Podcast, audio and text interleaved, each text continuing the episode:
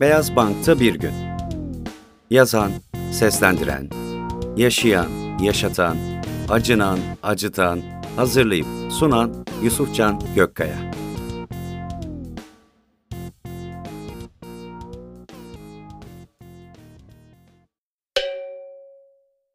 Sosyal tesislere nasıl gidilir genç? diye sordu. O yolun girişinde beyaz bir bankta oturduğum için bu soru gayet normaldi. Bankta zaten alıştığımız banklar gibi değildi. Şubat ayından hareketle yeterince soğumuş, beyaz, demir bir bank. Oturduğunuz zaman hem ayı hem de bankın varlığını hissetmek çok zor değil. Sanırım bu bank gelmişti beni. Aslında öyle değil biliyorum ama ben yine de banka yoruyorum bu gerilme halini. Bazı şeyler cansız şeylere yöneltildiğinde daha anlamlı ve daha güzel oluyorlar. İşin aslı kafanın, kafanın ta içinin hala kafayı takacak bir şeyler aramasıydı. Soru gayet normal gelebilir kulağa. Ama gelin bir de benim oturduğum yerden bakın bu soruya. Bunlardan ilki genç kelimesi olmuştu mesela. Artık genç değildim. 34 yaşında hayatı tüm şanssız buluşmalara, gülünse mi ağlansa mı seçilemeyen olaylara rağmen bir şekilde kazanabilmiş bir adamdım.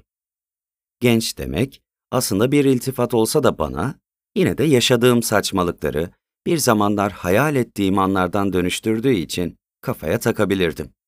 Genç kelimesinden çok kendime takılmıştım sanırım, bilmiyorum. Her neyse, o işte. Bir diğer konuysa bana bu hitapla soruyu soran çocuğun yaşının maksimum 20 olabileceğiydi. Hadi bilemedin 25 olsun. Ya da tamamen çakozlayamadım durumu diyelim 30 olsun. Yani birine genç diye seslenmenin yaşı askeri 65 gibi gelir bana. Yardımı kapan, gençlerden sıyırır kendisini. Sadece onlar genç diyebilir gibi fütursuz bir söylemde bulunmak doğru olmasa da onlara daha çok yakışır işte. Zaten bank saçma bir şekilde demirden yapılmış ve çok soğuk. Hal böyle olunca da soruyu hemen duydum ben de. Genç söylemini, vereceğim cevapta benim de kullanmam, bir iktidar savaşının başlama vuruşunu yapan şey olacaktı. Yani ithamını kabul etmedim, sana geri gönderdim. Buyur, harflerine ayır onları. Mutlu ol olur mu onlarla, demekti. Bilmem ki genç. Ç'yi çift vurgulu kullanmıştım. Şöyle bir yürü bakalım görebilecek misin? Bu cümle o ana kadar kafaya taktıklarımdan kuvvet almıştı biliyorum. Kelimeler ağzımdan çıkarken yanındaki arkadaşına, etrafa, 10 metre, 20 metre gerisine, hatta görünemeyecek köşelere bile göz attım ama gözümün ucuyla. Gözlerimi gözlerden ayırmadan. Hani gözlerini kaçıran av olur ya belgesellerde. İşte öyle. Cümlemi zamana göre artık kaliteli sayılabilen bir sigaranın dumanıyla süsleyerek kuruyordum. Her vurguyu dumanların değişik şekillerinde görebiliyor olmalıydı. Hani çok düşünen insanların falını yani hallerini sigara dumanına bile bırakması durumu yani. Bu kadar çaresiz miydi bilmiyorum ama bakarsa görecektir elbette. Sen hayırdır abisi? Evet, cümleme gelen cevap buydu. Tam da düşündüğüm gibi giyim kuşamlarından, ellerini cümlelerinde nereye koyduklarından, hareketlerinden, argo söylemlerinden, saç kesimlerinden, diş temizliklerinden, omuzlarının hareketliliğinden ve buna benzer birçok etkenden üç aşağı beş yukarı nasıl kavga edebileceklerini çıkarabilecek kadar tecrübem var sayılır. Tabii kalkıp da işin ehline, profesyoneline rastlamadığım sürece yanılmazdım da pek. Evet, işin millisine rastlama şerefine de nail olmuştum bir zamanlar. Tabii bu öngörülerimin milli oluşunu başka bir zaman konuşuruz belki. Sen hayırdır abisi? Yani şunu diyor aslında. Oturmuşsun burada dünyayı umursamaz bir tavırla, dünya içimden geçmiş haberi olmadan, giyinmişsin abidik gubidik, kimseleri önemsememeyi öğrenebilecek kadar güzel giyinirdin bir zamanlar, bilmiyor, bir de bana mı dik dik konuşuyorsun? Aslında bunu düzgün sorsa herhangi bir sorun olmayacak. Sen hayırdır abisi nedir ya? Bir kere bu cümleye hep kafam takılmıştır.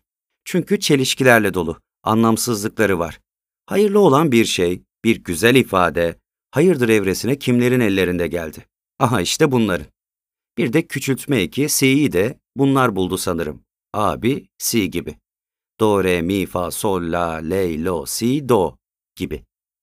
Baştan sona yanlış yani. Can evimden vurdu beni. E ismim de Can zaten. Seni de, arkadaşını da, çevreyi de, kıyafetini de, hatta bel ve ceplerini de süzmüşüm bu iki cümlelik sürede. Zaten bank soğuk, kafam kim bilir hangi günün ardında başıma geleni memnuniyetle karşıladım ben de. Arkadaşı çok kısa boyluydu gerçekten. Maksimum 1.55 falan. Fiziksel özelliklerle asla dalga geçmem ama kardeşim sen bari bir uzak dur, öleceksin yani. Hani insan kontrollü davranmak zorunda hissediyor kendisini tüm o gevşemiş psikolojinin ortasında.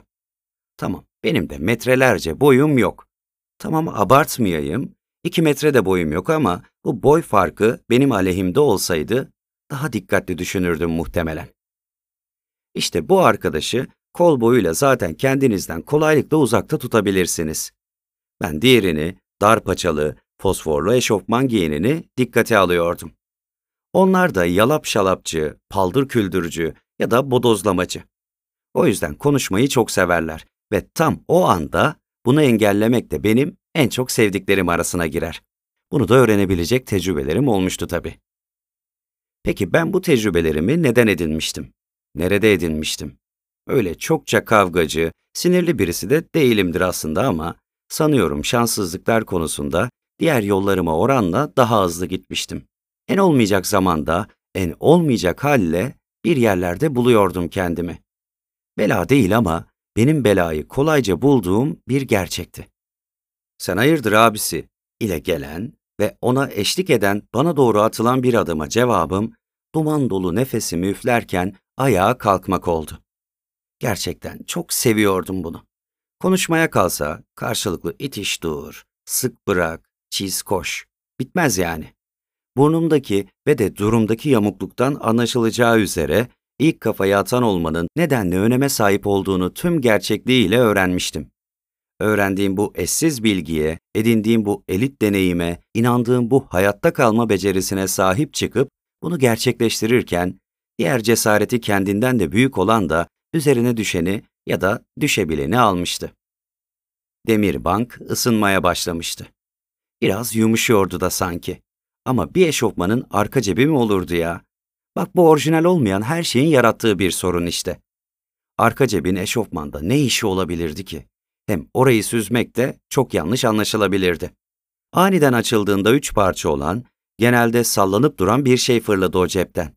Çokça görmüştüm bu sallananlardan. Kelebek olarak adlandırırlar kendilerini. Evet, gerçekten nereye, nasıl gideceğini öngörmek neredeyse imkansız oluyor bunların. Yapılabilecek en mantıklı şey arkadaşını aramıza alabilmekti.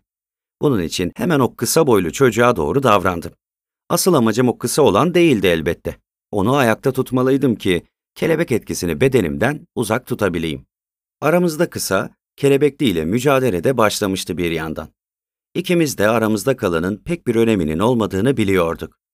Ben bir şekilde bıçağı tuttuğu koluna kilitlenip onu düşürmeye çalışıyordum. Ama demiştim ya, nereye döneceği belli olmuyor. Bileğinden kavramaya çalıştığım sırada aniden elime doğru yönlenmişti. Neyse ki saplanır gibi değil de daha çok keser gibi bir açıyla avcumun içinde hissettirmişti kendisini. Bu sefer acıyı olayın yaşandığı an hissetmiştim. Acının da vermiş olduğu sinirle olayı bir an önce sonlandırmam gerektiğini anladım. Aramızda duran artık aramızda değildi. Ne ara oyun dışı kalmıştı fark etmemiştim bile. Elimi kana bulayan oydu ve artık bana kalmıştı. Sadece bana. Elimi temizlemeye çalışır gibi hareket ediyordum. Tüm her şeyin sonunda avcumun içiyle birlikte sol koluma da bu tarihin anıları kazanmıştı o hengamede. Sonra o tarihin de vermiş olduğu inanmışlıkla daha da sahip çıkmaya başladım tecrübelerime. Bekle burada ile gitgide uzaklaşan bir sesle birlikte rezital de sonlanmış oluyordu. Yine yeni bir dövme zamanımda böylece kendini belli etmiş oluyordu. Yara gibi bir izi, estetik bir dokunuşa tercih etmek daha doğru geliyordu bana. Yoksa her türlü o tarih bir yerlere kazınmıştı yani. Hangisine bakarsan bak, Hepsi bu hatırlanmak istenmeyen tüm anları günü gününe, son güne kadar hatırlatmaya devam edeceklerdi. Yanımızda güvenlik odası varmış meğer. O ana kadar hiç haberim yoktu bundan. Zaten kendileri de şahsına münasır olan o yerlerinden kalkıp da müdahale etme gereği bile duymamıştı. Güvenlik ne için oradadır? Hepimizin bunun için bir cevabı muhakkak ki vardır. Bir sorun gördüğü zaman sorunu çözebilmek, engelleyebilmek için oradadırlar örneğin. İşte benim denk geldiğim güvenlikçi ise olayı film izler gibi izlemiş. Başından sonuna ben nasıl anlatıyorsam şimdi, o da başkalarına anlatacağı bir hikaye biriktirir gibi izlemiş. Tüm olup biteni sanırım. Bilmiyorsun genç. Bilmiyorsun hangi saatlerin burada beklenerek geçirildiğini. Yine beklerim. Durum tam tersi olsa da beklerim. Sonra içeriden elinde iki karton bardakta, şekerinden içilmesi zor, üçü bir aradalarla çıktı güvenlikçi arkadaş. Haklılığı bir süredir seyrediyormuş yani. Kahveyle hak verme şekline bakarsak, durum tam olarak bu. O sebeple kahve, sigara derken, ah o eski zamanlar mevzusuna kadar gittik onu. Kahve, bir tane daha kahve, sonra... Kahvelerle bekledim ama gelen olmadı. Çaya da beklerdim ama soğumuştu hava. Hem artık güneş de batıyordu.